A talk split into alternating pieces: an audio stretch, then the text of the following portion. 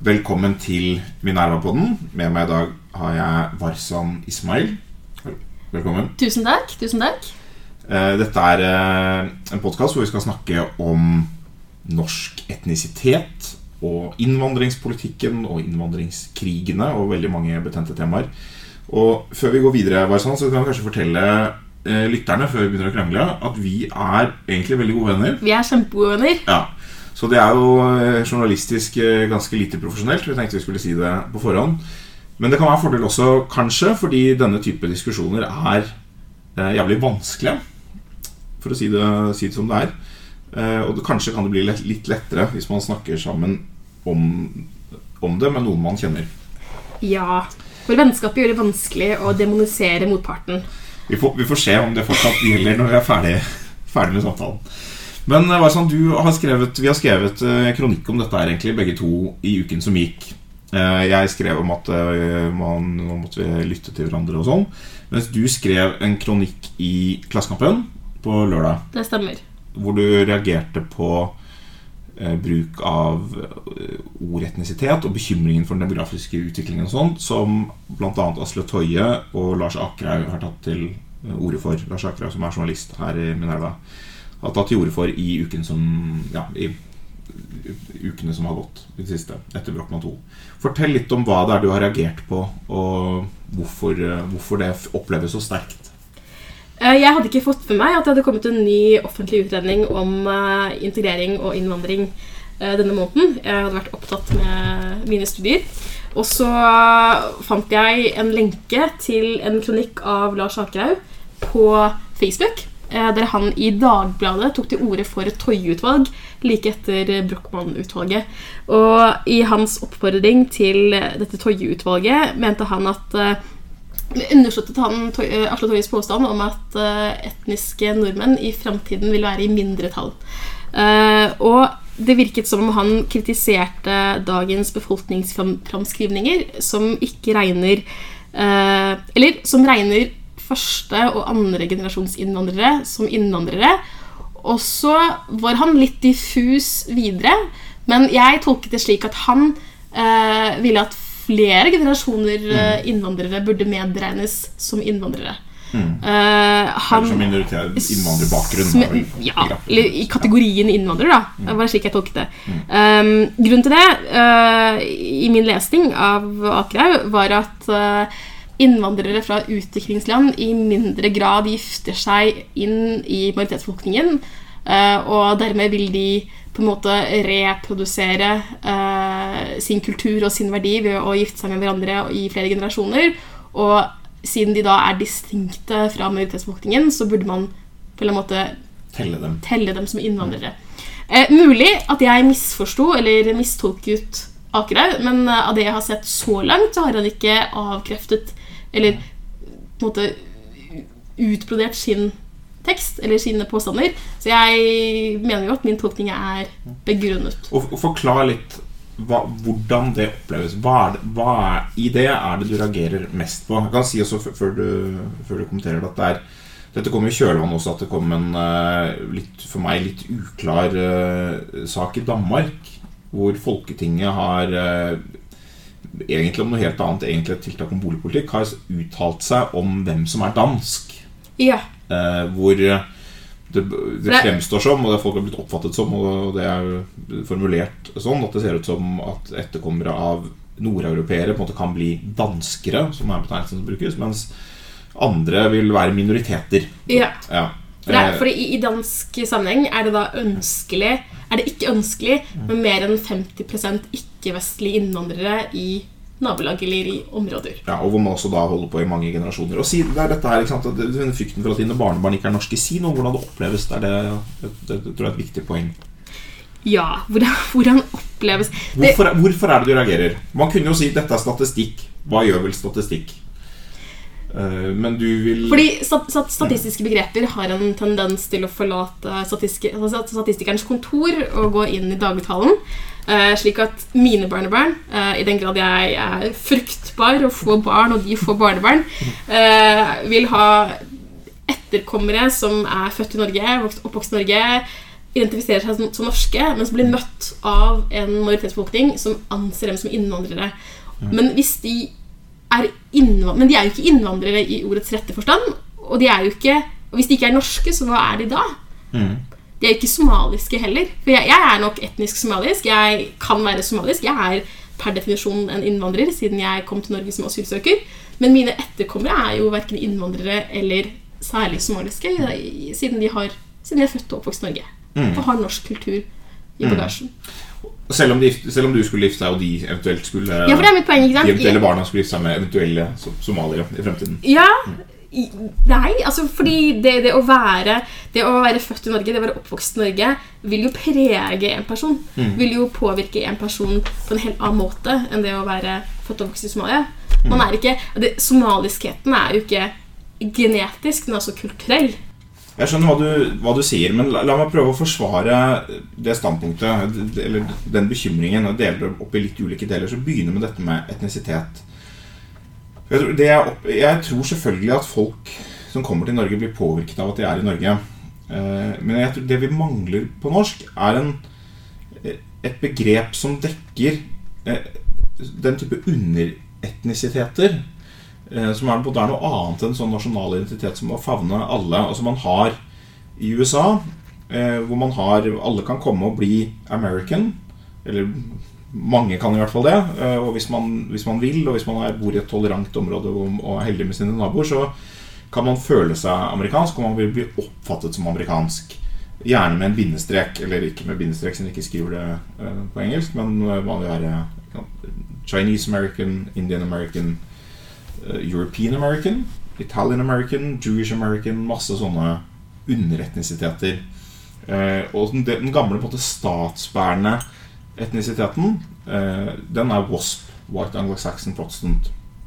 Og det kan man ikke uten videre bli. Jeg tror for så vidt man kan bli det også, gjennom noen generasjoner, og kanskje gjennom at man gifter seg og sånn, og hvis man virkelig man konverterer til protestantismen og, og lever seg inn i alle de skikkene og i den historien. Men det er ikke så lett å bli en etnisitet av den typen. Altså, man kan bli det, men det, men det tar tid. Eh, og jeg tror kanskje det er det at noen reagerer litt på eh, at de opplever at de ikke har et ord for det. Altså Hvis man, sier, eh, hvis man føler at man blir tvunget til å si at er like, man er like norsk hvis man er si, barnebarn da, av fire pakistanske besteforeldre f.eks., som eh, har tatt med seg ganske mye fra deres kultur. Det er jo ikke, ikke på en måte det at de ikke er norske i noen forstand, men det er at de er ikke norske i den snevrere eh, subetniske eh, Eller eh, den snevre etniske betydningen. Kan du skjønne at det er en sånn at, man, at det er en slags bekymring? At man føler at man mister sin eh, eierskapet til en etnisitet, på en måte? Jeg kan skjønne at uh, Jeg kan skjønne at man mister eierskapet til sin uh, etnisitet på den måten, men samtidig så er jo den begrepsmangelen er jo ikke et, en, altså et, er ikke et problem som jeg, som en innvandret nordmann, har uh, forårsaket. Er Begrepsmangelen er jo noe de som føler at de mangler dette begrepet, må konstruere på egen hånd, på samme måte som man har konstruert begrepet Italian American, Chinese American, WASP osv. Uh, og det andre blir da, blir da Du sier jo at man ikke man skal, Du graderer norskheten. Da. Det er det du gjør. Du sier at man er mer norsk ved å være en etnisk nordmann, men er man nødvendigvis mer norsk å være en etnisk nordmann? Nei, jeg mener at det, det er ikke det jeg egentlig mener. Det er, ikke, det er ikke det jeg sier, og det er ikke det jeg mener. Eh, Det, det blir i så fall på samme måte som man sier Er det mer amerikansk å være WASP enn å være Italian American? Og så er det ikke det i dag. Eh, Man har da en mer overgripende nasjonal identitet som heter American. Og det er det vi på en måte trenger også på norsk. Og man kan si Noen vil si at det er bra, noen vil være triste over at det, det er sånn det er. Men jeg tenker, uansett hva man mener, så er det er sånn det er. Vi har, en, har store minoriteter i Norge eh, i dag, og vi trenger en overgripende identitet som alle de kan være en del av. Og den må være måte, fullt norsk. Men den er allikevel ikke denne på en måte Thomas Hylland Eriksen foreslo å kalle det norsking. Denne, denne hvite norske Eller hva kalle det Ikke trenger å være hvit, men denne liksom postlutherske, nordeuropeiske eh, identiteten. Eh, den eh, tar det i hvert fall lengre tid og eventuelt ville bli en del av. Mens denne nasjonale norske den må man kunne fullt ut bli en del av. Og må være der må alle være like gode hvis de vil tilslutte seg den, den identiteten. Så jeg sier ikke at Jeg har ikke, jeg har ikke problemer med å, å identifisere den overgripende identiteten som norsk. Og kalle den norsk. Jeg er norsk-somalier. Eh, og så har jeg ingen problemer med å identifisere denne underetnisiteten som etnisk norsk. Jeg, jeg, har, jeg ser at det er krevende å definere hva etnisk norsk er, men jeg, jeg erkjenner også at det kan finnes noe som heter etnisk norsk, som ikke er meg. Ikke? Ikke er mine etterkommere. Ikke Kan bli dine etterkommere. Kanskje. kan, kan, bli, Kanskje. kan bli hvis de gifter seg inn, da.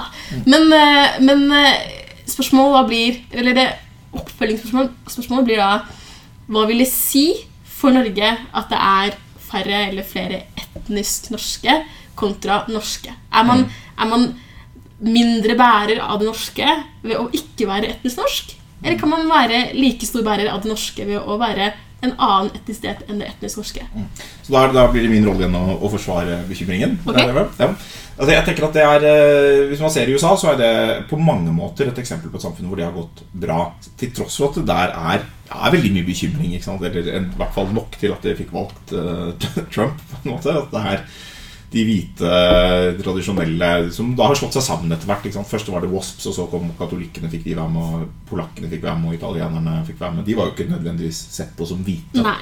eh, opprinnelig. Og så ble de hvite etter hvert som det kom folk som var enda mindre hvite. på en måte Men, eh, men det har gått ganske bra. Det er ikke så veldig farlig i California at eh, hvite kristne er i mindretall.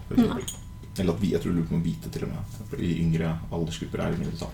Men hvorvidt det er farlig eller ikke, er jo på en måte skal kalle det et empirisk spørsmål og noen grad et normativt spørsmål om hva, hva det innebærer. Og jeg tenker at hvis vi hadde vært trygge på at integreringen gikk godt, og at hvis Pakistan gifte seg med pakistanere eller somaliere gifte seg med somaliere, så ville det allikevel ikke føre til noen verdikonflikter eller noen permanente økonomiske skillelinjer eller noe sånt.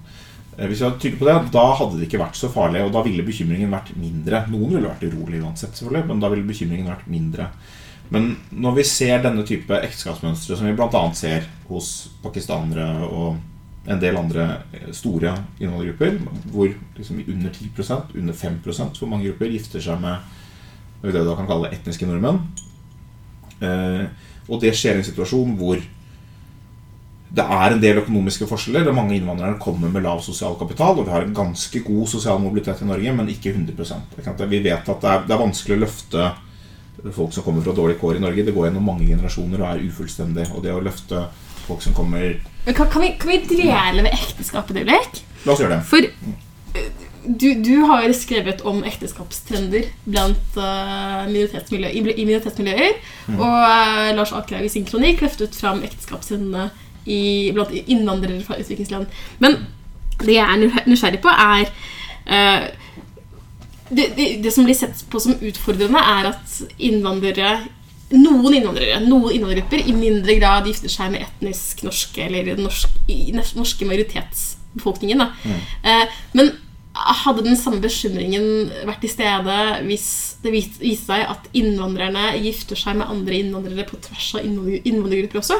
Jeg, må si, jeg er ikke så veldig bekymret selv eh, ennå. Altså, jeg er litt bekymret, er jeg. Men gitt da, gitt, at- du er bekymret, da. Jeg, jeg, jeg, er litt bekymret, men jeg kan si altså, det man ser for eksempel i USA, er at eh, det første som skjedde, var at katolikkene begynte å gifte seg innad med hverandre. Dvs. si, irene giftet seg med polakkene, giftet seg med italienerne. eh, før de begynte å gifte seg med wasps. Og så etter noen generasjoner så gjorde de det også. Og litt tilsvarende med, med jøder som først giftet seg på tvers av uh, ulike landbakgrunner i Europa, og på tvers av ulike uh, etniske forskjeller kan du si, der. Uh, og så etter hvert begynte de også å gifte seg ut i ganske stor grad. Og man kan godt se for seg at noe lignende vil skje med nordmenn med bakgrunn fra Somalia, Pakistan og, og Midtøsten. At man først gifter seg på tvers av landbakgrunner eh, blant muslimer, f.eks. Eh, og det ser man i noen grad. Eh, og etter hvert begynner å gifte seg videre ut. Det kan godt hende at det er en utvikling. Men, jeg, men sånn som det er i tror dag du, tror du de som er bekymret for dagens ekteskapstrender, hadde vært like bekymret hvis, hvis det er slik at, da, at folk fra forskjellige landbakgrunner gifter seg på tvers av landbakgrunnene. Men ikke med nordmenn. Men, Jeg tror ikke det ville vært øh, men, hva er det, hva, er man, hva, men hva er det man da er bekymret for? altså, kan, jeg sier- De samme kikkene skikkene vil ikke nødvendigvis bli reprodusert, men danner jo holdt på å si, hybridnordmenn. da. Ja, ja. Det er et godt poeng. Eh, Det, det kan nok hende også at bekymringen er litt mindre. Det er jo for eksempel særlig blant pakistanere at vi ser at det er veldig mange som gifter seg med pakistanere spesifikt. Eh, Det er en veldig sterk ekteskapskultur fra subkontinentet uh, der. Men, men uh, Det, det, men, altså, det, jeg poengterer det her fordi det plager meg litt at det skal være målbærende at en brun kvinne Mm. eller mann gifter seg med en hvit kvinne eller mann. Ja, det skjønner jeg. Jeg tror, jeg tror nok altså De som er bekymret, ville nok si at Hvis det er sånn Men, men at det er et urimelig assimileringskrav. da. Ja, jeg skjønner det. Og dette er annet noen norske jøder for eksempel, er veldig bekymret for. Dette kravet om at man skal gifte seg ut av sin tro for minoriteter. Og spesielt hvis man er en liten minoritet, så er jo det liksom en slags utrydningstrussel, oppleves det som. Eh, Men ja. Jeg sier ikke at det er et, en utrydningstrussel. Nei, nei, hvis man er liten, så er det det. Hvis er liten, så er det det. det virker som integreringspolitikken skal diktere mine personlige valg. da. Ja, nei, nei, nei, det, skal, det skal den jo ikke. ikke? Så dette det er jo ingen som vil tvinge hvem man skal gifte seg med. Eh, Hvorfor er det da så viktig med ekteskapsvenner? Nei, ikke sant? det er viktig den for, det er Nettopp fordi ingen skal tvinge deg til å gifte deg med noen du ikke vil gifte deg med, så øh, er det da noen som vil si at hvis det er sånn at det er sånn ekteskapsordningene viser seg å være over tid, så har det konsekvenser for hvordan vi tenker om innvandringspolitikken. Det er det som kommer ut av sant? For hvis det hadde vært sånn at øh, alle som kommer hit, gifter seg med majoritets nordmenn, og deres barn er fullt integrerte, og umulig å skille fra de som var her fra før når, hva gjelder normer og kultur og utsyn på verden, da hadde vi jo innvandringen kunnet være ganske stor, og det hadde gått veldig fint. Mens hvis det ikke er sånn, så vil vi si ok, da må vi ha vesentlig mindre innvandring. For dette klarer vi ikke å premisset da er at hvis man ikke gifter seg eh, inn i majoritetsbefolkningen, så er man ikke i stand til å adoptere majoritetsbefolkningens verdier og skikker. Jeg vil ikke si at det er premiss. Jeg vil si at det er, liksom, når jeg sier at de, de vil forsvare de som er bekymret, så vil jeg si at det er en sånn delvis observasjon av noen tendenser i dag. At det er, man ser at en del innvandrergrupper gifter seg ganske mye med hverandre, og at de samme innvandrergruppene ikke er så veldig godt integrert, eh, verken økonomisk eller verdimessig. Det er, det er, det er premisset de baserer seg på. Ja, i dag. Og, I dag. Og så kan man si delvis at det er et for negativt bilde også av situasjonen i dag. Og man kan si at det kan gå bedre fremover. Men jeg mener at det er, det er det som er bekymringen, og det som jeg opplever som et som kanskje uheldig er når den for så vidt forståelige bekymringen som Og det var det jeg skrev i min kommentar, at jeg har snakket med mange eh, mange venner de siste ukene som er si, vesentlig mer liberale enn meg i innvandringspolitikken og i mange av disse spørsmålene, og normalt ytrer vesentlig mindre bekymring, som, hvis, som har, vel, har forståelse for det. Altså Som er bekymret for sånn Oi, skal det bli sånn at er liksom, er 30% av befolkningen skal være ha landbakgrunn, eller ha bakgrunn fra disse landene, det er veldig mye. Altså, de opplever det som litt sånn vagt ukomfortabelt. Eh, kanskje ikke alltid i stand til å sette veldig tydelige begreper på det. Og det, det tror jeg er noe av problemet, fordi jeg tror det er en det er en form for bekymring som jeg mener kan være legitim, basert på visse premisser. Altså Hvis det er en uheldig utvikling, så vil dette kunne være problematisk. Eh, og da er den legitim. Men det kan være vanskelig å sette ord på de premissene. Og så høres det ut som man da er skeptisk, skeptisk til eh, innvandrere på det nærmest uansett, og at du aldri kan bli norsk nok. Det er jo sånn det fort kan høres ut. Og det skjønner jeg at høres forferdelig både ekskluderende og litt sånn identitetstyveriaktig ut. At man, da, du, man frarøver etterkommere av innvandrere nesten enhver identitet. For de får ikke være norske, og de er jo i hvert fall ikke noe annet. Og så er det, sitter de der på en måte uten noen identitet. Men, men altså Da går vi tilbake til det jeg opprinnelig reagerte på, som da var Det er ikke bare at mine etterkommere blir frarøvet identiteten norsk, men også at man ikke tror på en naturlig evolusjon i minoritetsmiljøer, der de tilnærmer seg, eller fullstendig tilegner seg, da, det norske. Og blir, ikke bare på en måte juridisk Mm, eller begrepsmessig, men blir også norske.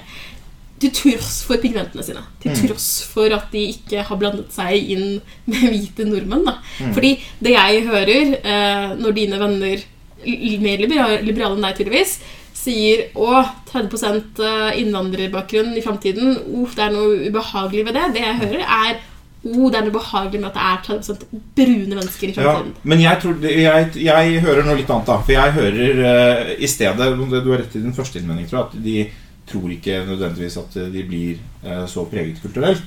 Eh, så det jeg hører, er eh, Vi ser for oss at det da blir mange som lever i en form for parallellsamfunn.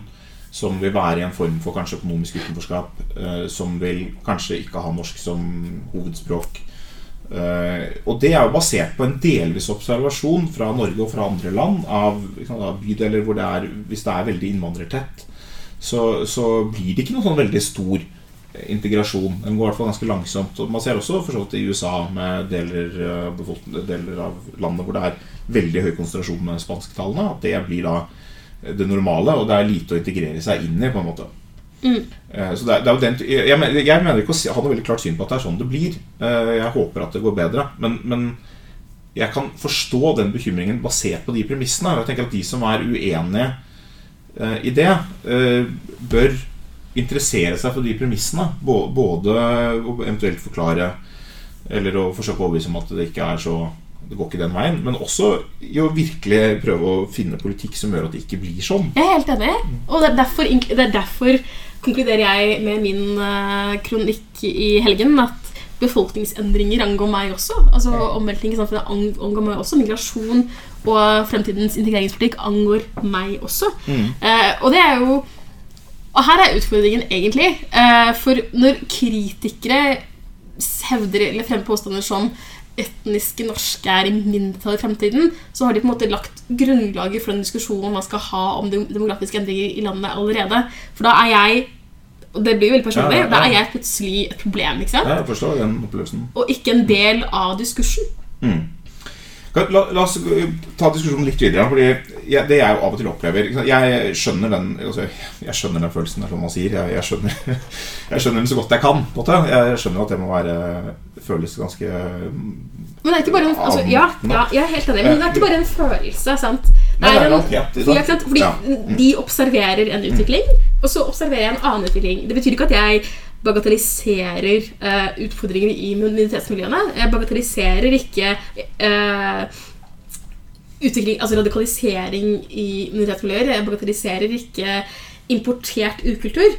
Men samtidig så ser jeg en utvikling eh, i innvandrermiljøene der jeg ser flere og flere eh, andre generasjons innvandrere, og også nå tredje og fjerde generasjons innvandrere, i tilfelle pakistanere, som eh, endrer seg, som er markant forskjellig fra sine foreldre og sine besteforeldre. Og jeg tenker at jeg finner det urimelig å anta at den, de endringene vi ser nå, ikke vil tilta i fremtiden. At, vil, altså at endringer ikke forekommer raskere for hver generasjon. da. Mm. Nei, jeg, jeg, jeg skjønner det, og, og jeg håper at du øh, har rett. Men jeg, jeg skjønner også de som på en måte ikke vil si eh, at de er sikre på at du har rett. Liksom, så Hvis man er sikker på toalett, så kan man la være å være bekymret. Men Men ingen kan være sikre på nei, ingen kan være sikker, og derfor må man alltid må- være bekymret. Det er den konservative lærdommen. Men, men eh, la oss bare gå litt videre. For, for jeg, eh, jeg prøver så godt jeg kan å forstå den følelsen. Og det er en av grunnene til at jeg mener at det er utrolig viktig at vi som uttaler oss eh, om dette, forsøker å, å, forsøker å forstå det og forsøker å formulere det på en måte som ikke ekskluderer eh, unødvendig. Det er, måte, et- det er et ømtålig nok tema i alle fall, og det er verdt å, alltid verdt å forsøke å formulere seg sånn at eh, man viser at man eh, inkluderer flest mulig i det norske vi. Eh, Og det er ikke alltid det skjer. Og Men, det, men bare, jeg må bare protestere litt. Mm. Fordi du, du sier følelser, og jeg kjenner følelsene. Men det reduserer Jeg mener ikke- men, ja, men, men altså, jeg, jeg, vi, vi begynte på at vi er venner, og jeg skjønner hva du mener. Uh, og jeg, jeg tolker deg i beste mening. Men uh, fordi når man sier følelser, så, så reduserer man min posisjon og, og tilsvarende posisjoner som emosjonsdrevne. ikke sant? Eh, og ikke, ikke at jeg fremmer en hypotese om framtiden som er i- like sannsynlig, vil jeg påstå, som den hypotesen som innvandringskritikerne ja, nei, det er ikke, det er ikke, men det var ikke akkurat det jeg mente med følelsen. Følelsen er nok uansett et dårlig ord. Men jeg skjønner på en måte opplevelsen av at når noen snakker om det på den måten, så blir du ekskludert Ja, og gjort til et Ok, problem. Det er med. Ja. Eh, og det er det viktig å unngå. Eh, og så er min opplevelse det er at i denne debatten så blir det fort sånn at de som eh, de som eh, ofte fronter innvandringskritikk, de blir opptatt av å vise at de ikke er politisk korrekte, og ikke liksom tar sånne omsvøp øh, når de formulerer seg. Fordi de ikke erkjenner at vi er en like viktig del av samfunnet som alle andre. Ja, jeg skal slutte. Ok, ja, ja. Kanskje. Altså, jeg, det, folk har sikkert ulike motiver for hvordan, hvorfor de ytrer seg som de gjør. Og For noen er det ubetenksomhet, og for noen er det at man har en slags statement. Altså Man er mer opptatt av debatten blant dem man allerede er enig med, å posisjonere seg innad i den, eh, enn av å prøve å inkludere nye mennesker i den debatten. Er mer, det blir mer en posisjonering. Eh, eller man er da opptatt av det motstand mot denne politiske korrektheten. Det har blitt en greie på, på deler av høyresiden, eller den høyresiden i den innvandringsdebatt, betydningen av ordet. Det har blitt en, en greie der som jeg av og til kan ha en viss forståelse for. Og Men, men er det ikke ikke. interessant å dissekere den posisjonen? Altså, hvor, hvorfor, det, hvorfor er det så viktig å posisjonere seg? Hvorfor er det så viktig å hevde at man gir litt blanke i hva norske innvandrere eller folk, norske nordmenn med innvandrerbakgrunn må føle? Det, vik, det viktigste er å, å poengtere statistikken, sier man, men som statistikken er er entydig. Som om befolkningsframskrivninger er fasit. Altså, jeg, jeg tror noe av den eh, Hvis jeg nå skal forklare den, så tror jeg noe av den motviljen mot det politisk korrekte skyldes jo måte, sånn 20 års historie med innvandringsdebatten. Og hva, hva slags uh, debattklima folk, noen opplever at de har vært. Og i noen grad har det vært riktig. Altså, jeg tror Debatten i Norge har endret seg veldig de siste ti årene. Og det aller meste av dette er ikke lenger gyldig. Eh, men jeg tror ikke sant, de som mener at jo, vi må da kunne få lov å regne på samfunnsøkonomiske kostnader på dette feltet som på andre felt. I dag er det helt ukontroversielt, men da Brochmann 1 ble nedsatt, så var det jo eh, en del som eh, mente at det var liksom dypt problematisk. Og nettopp at man regnet på, på liksom, dine barn og barnebarn, og at de ikke var fullverdige medlemmer. og sånt. I dag er det mer ukontroversielt, og mange vil si heldigvis, og så vil noen si det viser at vi har blitt mer liksom, høyrepopulister eh, alle sammen. Men jeg tror de som gikk tidlig i bresjen for det, for den type ting, eh, eller for å snakke om problemer med islam, eller liksom, et eller annet sånt, de opplevde lenge at det var ikke lov å snakke om noe. Det er deres selvforståelse. Og så er den berettiget i varierende grad, men den er av og til berettiget. Og de har fått det som et, ofte som et slags eh, viktig poeng at vi kan ikke la oss stoppe av det politisk korrekte. Og det kan på en måte gå helt galt. Det kan gjøre at man mister sensibiliteter der hvor de absolutt burde være på plass. Eh, Så dette var ikke et forsvar for, eh, for å miste det. Men jeg tror det, er, jeg tror det er noe som skjer på den siden. Noe av det som skjer på andre siden, er at en del av de som selvidentifiserer veldig som antirasister, har også en, en god fiende da, måte, i folk som Lars Akerhaug eller Asle Toje eller eh, den type personer. Man vil gjerne at de skal være Man synes det, det er fint på en måte om de er, Dette er min opplevelse. At det, det er bra om de er rasister. Da har vi noen å slåss mot. Istedenfor å tenke Går det an å forstå denne bekymringen på en eller annen rasjonell måte? Jeg forstår den bekymringen på en rasjonell måte. Jeg vil jo påstå da at Lars Akerhaug og Sofie ikke forstår den bekymringen på en rasjonell måte selv. For jeg, jeg syns det er viktig eh, med Brochmann 1. Jeg synes det er viktig med Brochmann 2, og jeg syns det blir viktigere At det er viktig med utredninger og eh, rapporter som ikke nødvendigvis bare beregner kostnadene av mine etterkommere, men også hvilken hvordan, hvordan innvandring vil påvirke samfunnet generelt, da, på andre områder også. Men til forskjell fra Torget og Akerhaug så mener at de tingene er viktige eh, for å finne ut hva som kan skje, og hva, vi, hva, hva kan skje, hva vil vi skal skje, og hva må vi gjøre for at det vi vil skje, skal skje. Jeg opplever at om ikke Toye og Akerhaug, men i hvert fall andre som kritiserer innvandring, de, deres konklusjon er allerede gitt. Vi må, vi må begrense innvandringen. Vi, må, vi må stoppe folk fra å komme. Det er løsningen på alt mulig. Alt mulig. Det er mirakelkuren på alle konflikter som kan uh, oppstå med innvandring. Mens mitt, mitt anliggende er da å vise at ok, vi, vi har en problembeskrivelse, men da må jo løsningen være eh, ikke nødvendigvis en begrensning av innvandring. Det, det kan være at vi må ta tak i konkrete problemstillinger som oppstår. Sysselsetting, utdanning, boligpolitikk for å hindre utvikling av gettoer, f.eks., som vi ser i noen europeiske land. Mm. Jeg tror eh, Jeg er for så vidt veldig for det, det å se på den type ting. I den grad vi kan det, og det er jo det Brochmann både 1 og 2 delvis, eh, delvis gjør. Eh, men det går også an å si altså, Vi har hatt utredninger om innvandring i 25 år, hele mitt voksne liv, og vel så det. hvor vi har kommet med liksom forslag om ja, vi må ha noen introduksjonsordninger og gratis kjernetid og språkopplæring og morsmålsopplæring og sysselsettingstiltak og kompetanse og alt mulig rart. Eh, og det er for så vidt bra. Det er ikke meningen å latterliggjøre det. Altså, det er et empirisk spørsmål i hvor stor grad det fungerer, og det som fungerer, det bør vi gjøre. Eh, jeg tror grunnen til at en del da konkluderer med det eneste gode alternativet er å redusere innvandringen, er at til tross for alle disse programmene og til tross for det man, de tenker seg, og jeg tenker meg, er realistiske konsekvenser, realistiske forbedringer gjennom nye tiltak, eh, det, er ikke nok. Det, blir aldri vi har, Konsekvensen i dag er Og dette vet jo, vet jo du også, at blant somaliske kvinner for eksempel, så er det 20% som er selvforsørget. Eh, og så kan man si ja, det er ikke realistisk med så veldig mye mer i første generasjon, og så blir det bedre i andre generasjon. Sånn. Men det er jo nettopp noe av poenget for dem som sier Eh, det, som jeg ofte opplever som en absurd debatt, er at en del innvandringskritikere sier det, er ikke realistisk å få mer. Det, blir ikke mer enn 20% Bare 20% av somaliske kvinner er sysselsatt. Og så sier de som er mindre kritiske, sier, ja, men det er jo ikke noe rart, fordi de er traumatisert og kommer fra vanskelige forhold. Og uh, Vi må forstå at det er sånn, og vi kan ikke forvente at alle skal være i full jobb. Og da er du på en måte egentlig enig om, en måte egentlig enig om problembeskrivelsen. Det virker bare som de, de noen tenker at man sier det fordi man mener at somaliere er noe spesielt ille. eller noe sånt Men det man sier, er det er veldig lite realistisk eh, når man er 50 år og kanskje mangler utdannelse som er relevant for Norge, eh, å komme inn i det norske arbeidsmarkedet. Mm. Men nettopp derfor så er det et integreringsproblem. Og mm. nettopp derfor så bør det ikke komme altfor mange. Mm. Og da er den eneste løsningen å kutte innvandring. For å si det litt enkelt. Da. Ja vel. Men du, du Ja, ok kutte innvandringen. Hvordan da? Nei, ikke sant, så det, det er en kjempestor debatt, ja, den du... trenger vi ikke å ta nå. Men, øh, men... men, det er jo en relevant debatt, da. Fordi mm. i ytterste konsekvens så får vi Trump. Ikke sant? Vi får Vi må sette vet, legge veto mot all innvandring fra problemland, da. Innforstått av enten Somalia eller andre pre-krigspregede mm. muslimske land særlig.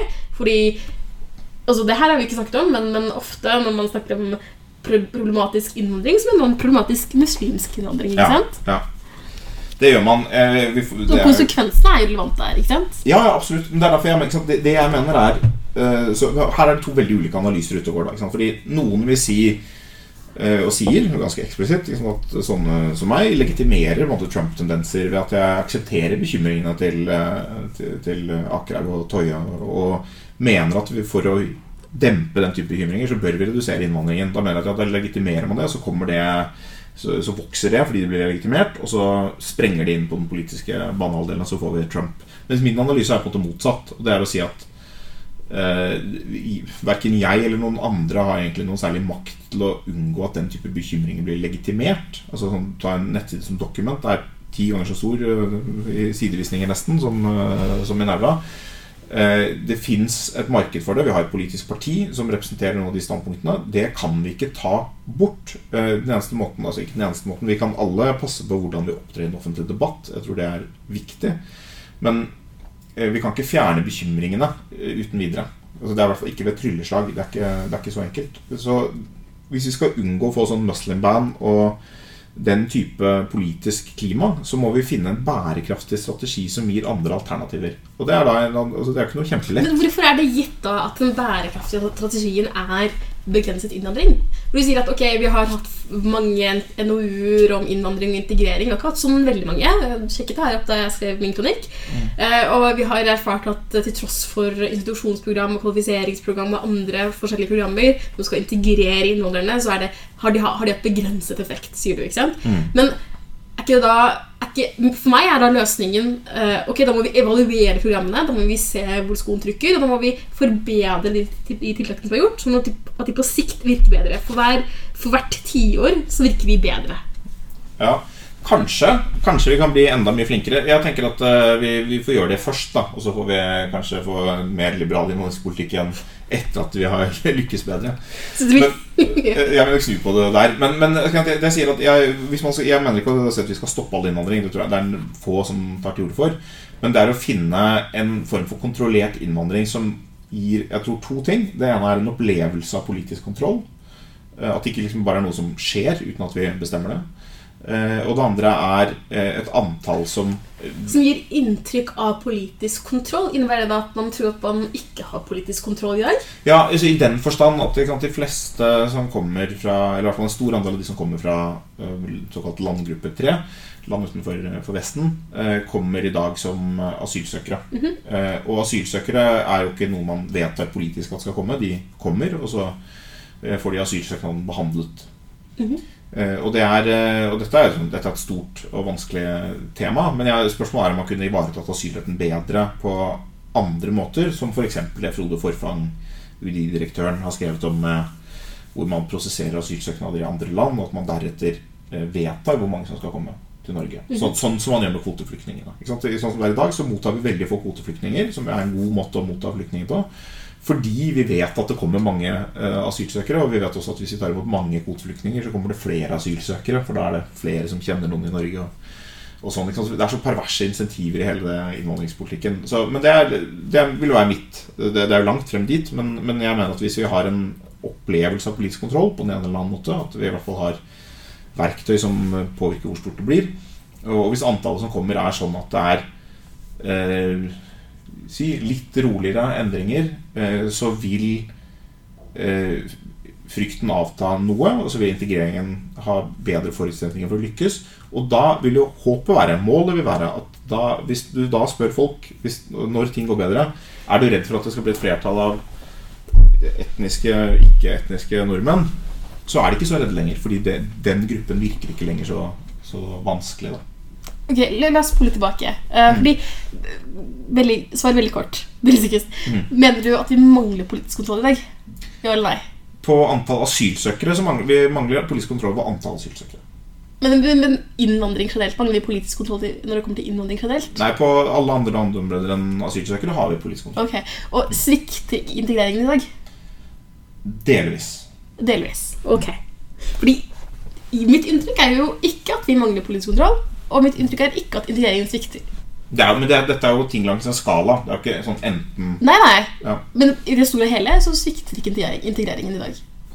Nei, det kommer an på du, hvilke mål du legger til grunn, da. Altså, jeg, jeg, Integreringen i Norge går ganske bra. bare, bare, fordi mitt inntrykk da er at bekymringen eh, når det kommer til antall etniske nordmenn, eh, og bekymringen når det kommer til innvandringens effekt på Norge, bunner jo i dette. Mm, Har vi kontroll? Mm. Svikter integreringen. mm, Og hvis du svarer da Hvis du altså som en generell, generelt du da svarer vi mangler kontroll, regjeringen svikter, så vil man jo naturligvis tenke ok, det er et problem at Mm. etniske nordmenn blir et mindretall- mindretall. Men hvis man har den andre konklusjonen, Mm. så, Andre premissene. Ja. andre så anser man ikke det som et Nei, jeg er helt enig. Så, så, og, og derfor er det viktig at flere har føler Flere føler at, eh, at integrering går bra, og at vi har kontroll over innvandring. Ja, men, så, så det her bunner i, i kolliderende virkelighetsoppfatninger? Ja, Kanskje, men altså, delvis kan det dreie seg om at man legger ulike eh, forhold til grunn, eller vektlegger ulikt. Men delvis kan det også dreie seg om ulike eh, det normative eller ulike vurderinger av hva som er, innebærer kontroll, og hva som innebærer god integrering. For, og da for, for eksempel, altså, Norge gjør det relativt bra på integrering sammenlignet med mange andre land. Ja, på toppen når det kommer til Europa. Ja, blant annet fordi vi har, har god råd. Det kan bli verre i neste ti år, kanskje. Vi har hatt mye oljepenger. Men, eh, det, Men det, det- det, altså de tallene som går bra, er de samme tallene som sier at 20% av somalske kvinner er selvforsørget, 40% av somalske menn. De samme tallene som sier at 95% av pakistanere gifter seg med pakistanere. De samme tallene som sier at Islamnett er den største ungdomsorganisasjonen for eh, norske muslimer. Så, så det er sånn, er det god eller dårlig integrering? Det er jo en vurderingssak. Det er bedre enn i mange land. Uh, og det går bedre i andre generasjon. Uh, men i første generasjon går det ikke sånn kjempebra. Uh, og ja, så, så det, det er ulike vurderinger. Kanskje. Vet ikke. Men, ok, fordi for meg er det vanskelig å forholde meg til integreringsbegrep når både ekteskapstrender, islamnett og sysselsettingsraten blant min mors venninner Ja, inngår. Ja. i samme bilde. ja? Så hva, hva er integrering da? Islam, altså med, medlemstallet til Islamnett er vil jeg si, positivt korrelert med debattklimaet vi har i Norge. ja. Ikke Du kan være enig, uten at det løser problemet. Ja, det løser ikke problemet, men, men, men du ser hvor, hvor kronglete det er å, å snakke om integrering. da Ja, altså det er, det er veldig kronglete, men jeg mener både integrering i hvis, den vi, hvis det er så kronglete å snakke om integrering, da, hvordan kan vi bruke det som et Jeg, jeg skjønner, vi, vi må jo bruke integrering som et mål på hvor, hvor, hvordan samholdet i samfunnet er, men vi, vi, vi, har vi er jo ikke enige om premissene. Nei, sant, det, det- det, det vi begynte med, sant, denne Er, er det farlig om uh, Mindretall, det er vel lenge til, men er det farlig om uh, det blir en stor andel ikke-etnisk norske, uh, sånn som vi da snakket, definerte det, ja, så, er, hvis, så er det farlig hvis det er veldig mange som er økonomisk ikke er selvforsørget. Og hvis veldig mange er med i Islamnett, da er det også et problem i den settingen. Synes de som sånne som meg, da, så det vil man synes hvis man er bekymret for denne eh, hvordan denne etniske norskheten skal se ut i fremtiden, enten den er den smale eller den brede, så er plutselig Islamnett også et problem. Det er en del av miksen. Altså, det, det er mindre problematisk med, eh, med høy innvandring hvis det ikke er, kommer eh, så mye salafisme. Mm. Jeg, jeg er enig. Jeg er enig i det. Jeg er enig i det. Og derfor blir derfor sier jeg at det, finnes jo ikke noe mål Det finnes ikke ett mål på integrering Du vi kan lese barometer og se om nå står det på fint vær eller dårlig vær. Det er sånn, og det er derfor folk vektlegger ulikt, fordi de ser på ulike elementer av et kjempestort bilde. Så, men er jo, jeg, er ikke, jeg er nok ikke blant de aller mest, sånn, aller mest bekymrede på egen vei. Jeg ser en del lyspunkter, men jeg, jeg ser også at det er mye bekymring, og den er forståelig. Ja, jeg, jeg er enig Jeg er enig i at det er mye bekymring, og jeg er enig i at den er forståelig. Det jeg savner, er en anerkjennelse av at den bekymringen eksisterer både i majoritetssamfunnet og også i minoritetsmiljøene. Og eh, jeg savner også en forståelse for at Vel, det er majoritetsbefolkningen som sitter på definisjonsmakten. Mm. Til syvende og sist så er det du og folk som ser ut som deg, som bestemmer om jeg er integrert eller ikke. Mm. Det er ikke jeg som gjør det. Ja. Og det jeg finner paradoksalt med denne frykten, er denne dissonansen der man er så redd for innvandring, man er så redd for minoriteter, men man forstår ikke at man, man sitter med en enorm makt selv. Mm. Jeg eh, skjønner det. Jeg er helt enig. Altså, det er, dette er et av de helt store paradoksene i uh, innvandringsdebatten. integreringsdebatten. Så I noen grad er uløselig, men i, no, i noen Jeg, grad jeg er vil ikke si at den er uløselig. Nei, jeg at løsningen ligger i majoritetsbefolkningen i stor grad. Ja. Ikke bare i majoritets- majoritetsbefolkningen, men også men i stor grad. ikke sant? Ja, altså, jeg, det jeg er helt enig det jeg mener uh, selv, det er jo at alle som både deler politiske konklusjoner med meg, bør være de første til å måte, forstå at eh, hvis ikke vi klarer å anerkjenne folk som norske, så kan de på en måte ikke bli norske. Og det er identitetsproblematikk måte ikke der som er veldig krevende. Samtidig så eh, er det også en del problemer som man må diskutere, og som, måtte, som det er vanskelig å snakke om uten at noen vil oppleve det som på en eller annen måte ekskluderende, eller vanskelig i hvert fall. Så det er noen dilemmaer der. Får jeg snakke? Ja. Jeg vil gjerne snakke om alle problemene, men jeg vil snakke om konkrete problemstillinger. Og jeg vil snakke åpent uten at de problemene Uten at konklusjonen for diskusjonen er gitt. Uten at konklusjonen er Det er et problem at uh, det kommer mennesker som deg til Norge. Det er et problem at flere som deg blir, blir i overtall. Da, blir overtallige i, i framtidens Norge. Fordi jeg ser ikke på det som et problem. Nei. Du, men kan jeg bare Jeg spørre ser, jeg ser, jeg ser, jeg ser, Kan jeg bare spørre, spørre deg også? Problemet er jo i så fall at folk som ikke deler et norsk verdigrunnlag, Mm. kommer i flertallet i framtiden. Men ville du, kan jeg spørre deg, ville du som norskmaler ville du blitt bekymret hvis det var sånn altså det, så, Sånn er det jo ikke i det hele tatt. eh, Men hvis det skulle blitt sånn at det kom si, i løpet av en tiårsperiode en million somaliere til Norge Vil du tenke sånn Dette går bra. Dette fikser vi. Eller vil du tenke sånn Det her går kanskje ikke så bra. Det åpenbart går ikke bra hvis det kommer en million somaliere over ti år. Det Nei. vil jo være en enorm belastning på velferdsstaten og asylinstituttet og samfunnet. Ja. Og jeg, bare for, for, som en oppfølging til det, da. Vi snakker mye om og det er en liten digresjon her, vi snakker mye om parallellsamfunn. Eller vi snakker ikke mye om para- vi snakker mye om parallellsamfunn og utviklingen av parallellsamfunn. Men forutsetningen da er at folk som er brune, ønsker seg parallellsamfunn. De ønsker å bo enklaver i Groruddalen. Men det gjør det ikke. Men hvite flytter ut. Ja, men, ja, men vet du? Vet du hvem andre som gjør det? Ressurssterke brune Ja. flytter også ut. Ja, og da blir det vanskelig. Og da, og, Ja, men hør men det det blir da, er et klassespørsmål, ikke Ja. et innvandringsspørsmål. men de henger jo sammen, ikke sant? Det henger sammen, men vi snakker ikke om klasseaspektet ved, ved innvandringen. Nei, vi, altså, vi, vi, kanskje vi skulle snakker om kultur. om det. Vi snakker om kultur. Jeg er sosialist, vi vil gjerne snakke om klasse. ja, ikke sant. Vi snakker om Vi snakker om kultur, som om det er det som er bærende for Min, min, min familie, min, min mor, ønsket seg vekk fra Stovner da hun så at det kom flere innvandrere og bosatte seg i bydelen. Nettopp fordi hun tenkte at det, det her vil gå på bekostning av min datters utdanning Mm. og hennes mulighet til samfunnet. Så vi ser jo at det her Parallellsamfunnet er jo ikke noe som er ønskelig verken fra majoritetshold, majoritetshold eller minoritetshold. Altså, jeg, jeg tror nok i noe større grad er kanskje at altså, kultur fins, og det spiller en rolle. Men jeg, altså, mye av innvandringsproblematikken handler i en viss forstand om klasse. Eh, Men den er uløselig knyttet sammen med selve innvandringen. Altså, Det vil si at folk kommer uten eh, ressurser, uten nettverk, uten human humankapital, uten utdannelse. Så er det vanskelig å få til.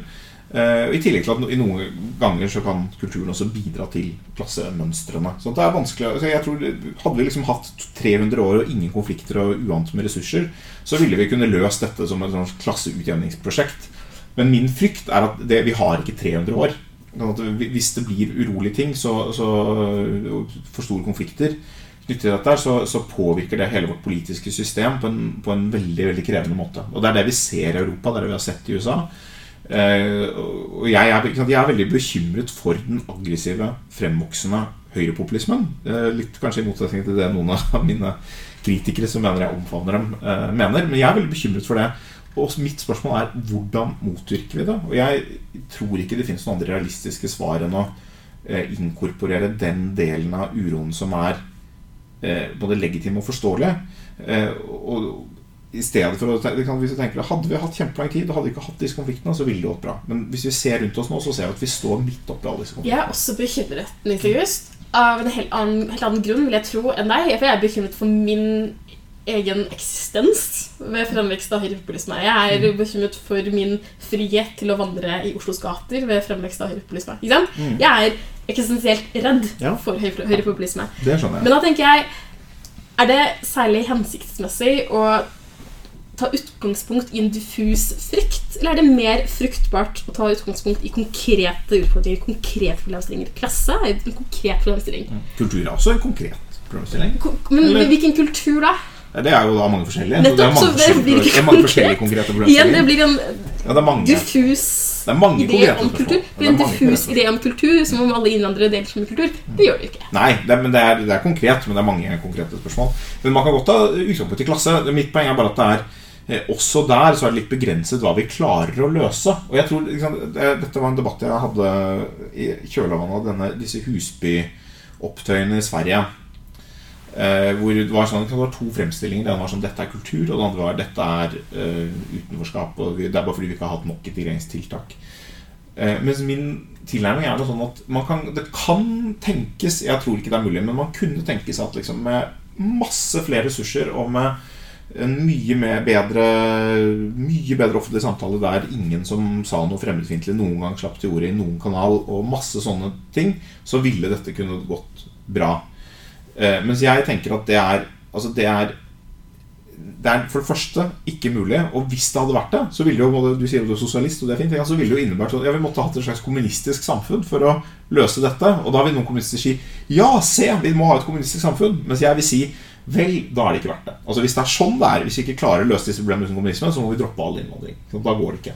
Så jeg tror ikke det er så, jeg tror ikke det er så ille. Jeg, jeg tror ikke det er det som er løsningene. Men eh, jeg tror at vi må skjønne at det, det, er, det må veldig dramatiske tiltak til for å liksom gjøre helt om på hvordan integrering fungerer Mhm. i dag. Altså det er, integrering går som sagt ok Mhm. på mange måter. Relativt sett. Det er bare at det kommer veld, når det kommer veldig mange, så vil det medføre en del utfordringer likevel. Ja, og det, det erkjenner jeg. Da slutter vi kanskje på en enighet der. Det ble ikke så mange konkrete problemer eh, her. Vi liker også å snakke om metasamtaler. Men vær sånn, Ismail, tusen takk for at du kom. til Selv takk, Nils August. Selv takk.